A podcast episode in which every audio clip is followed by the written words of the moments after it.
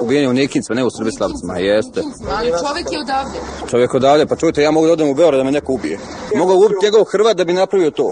Gdje piše da ga nije ubio Hrvat? Da vam pričam da sam bio na ratištu, da sam doživio da me danas teraju iz ovih Hrtkovaca gdje sam odrastao teško mi je. I nazivaju me Ustašom pored 60 dana koji sam proveo na hrvatskom ratištu protiv Hrvata, danas me tjeraju u tu istu Hrvatsku. Za čega smo bili tamo u ratu? Bili smo od dva meta i aj, još dva da ne moramo ići sad kad poljski rado i radimo firmama i sad treba idem tamo koji me tera da idem tamo u Hrvatsku. Za čega? Pa ja sam tamo sad ocrnjen što sam bio ovdje u ratištu. Ja sam bio lojan Srbiji, poštujem zakon, firmi radim, dajem samo doprinos i sad idem tamo. Ja se ne stidim što sam Hrvat, ali Ustaša nisam. Ne znam ni šta je Ustaša. Ako treba da se gine, nije to samo kod mene, oni idu redom, po svim kućama. Pa neka dođe Hrvat koji kaže da je ga neko tuko, da je ga neko progonio, da je ga šikanirao, na bilo koji način. Ajde, taj Hrvat koji je toliko pošten dođe na kaže, pred ovom rudom što nas ima u Srbistovici. Ali ja sam dve kuće dao, razumijete me, i treću mi uzeli, i to nisu lepim načinom i nasilu. Ne znam šta da kažem sad ako možete pomognite mi, ako ne, kažete da idem, onda ja znam što da radim, a ne da me pera, tera ili neko drugi. A opet kažem, u Hrvatsku sigurno neću da idem. Ja ne znam, da li da idem natrag ili još da čekam tu, ne znam. Šta da radim? Najteže mi je rekao, đubre Mađarsko, oni su bili tamo kaže, isti su kod tvojih 25.000 Mađara što su otišli tamo. Pa šta sam ja kriv, ja nisam Biro, ni oca, ni majku, niti državu, nikoga, isto koji svaki drugi čovjek. Hrvati su otišli većinom u selo Kula i Jakšić kod Slavonske požege i sa sobom ponijeli i Hrtkovce i dali imena Kuli Hrtkovci, a Jakšiću Mali Hrtkovci. Dolaskom Srba ovamo mi smo donijeli srpsku zastavu i uzeli si za neko moralno pravo da donesemo i srbislavce ovamo. Hrvati su odnijeli Hrtkovce, a mi smo donijeli srbislavce. Vidim koliko po zelu to.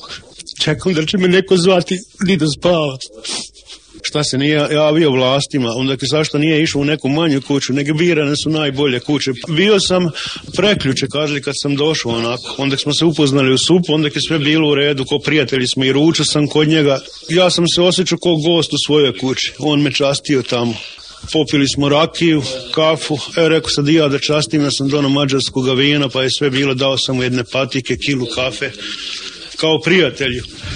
A sad ja ne znam kakav je on moj prijatelj kad je nasilno provalio kuću.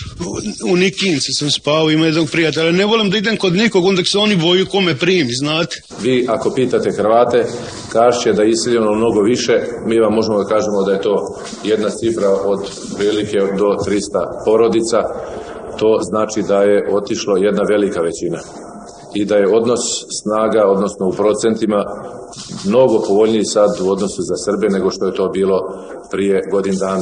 Sve skupa kad se sabere, tu od 80 do 85% ima Srba. A to je sasvim dovoljno da ta većina ima skupštinu i da radi legalno u pravcu smirivanja ove situacije. Mi smo danas po ovlašćenju zbora mesne zajednice Srbislavci, obavili razgovor u kabinetu predsjednika države Dobrice Ćosića, isti nas je pozdravio i odmah nas je prosledio do generalnog sekretara Miodraga Mitića, koji je sa nama puna tri sata razgovarao o situaciji u Srbislavcima. Zahtevali smo da se što pre oslobode predsjednik mese zajednice i da se oslobodi legendarni, legendarni komadant Grubičnog polja, odnosno Teo Grubičnog polja, Rade Čakmak, Danas je on u zatvoru. Optužba je da je imao oružje. On, komadant, ima oružje. Bilo bi sramota da komadant nema oružja i bilo bi sramota da su kod komadanta pronašli klavijer, a da nije imao pištolj. Šta je vama Bog tijepo, pa ne možemo mi protiv države Srbije da ratujemo.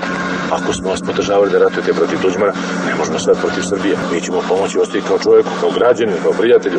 Ali, brale, ako si krivo stoja, ako si ti šamaro, Znači, odgovara, ali pustite ga iz zatvora. I oni kad su zatvali onoga tamo, oni su sjedili pokraj njega, mislili da su u Hrvatskoj i da su uradili prava stvar.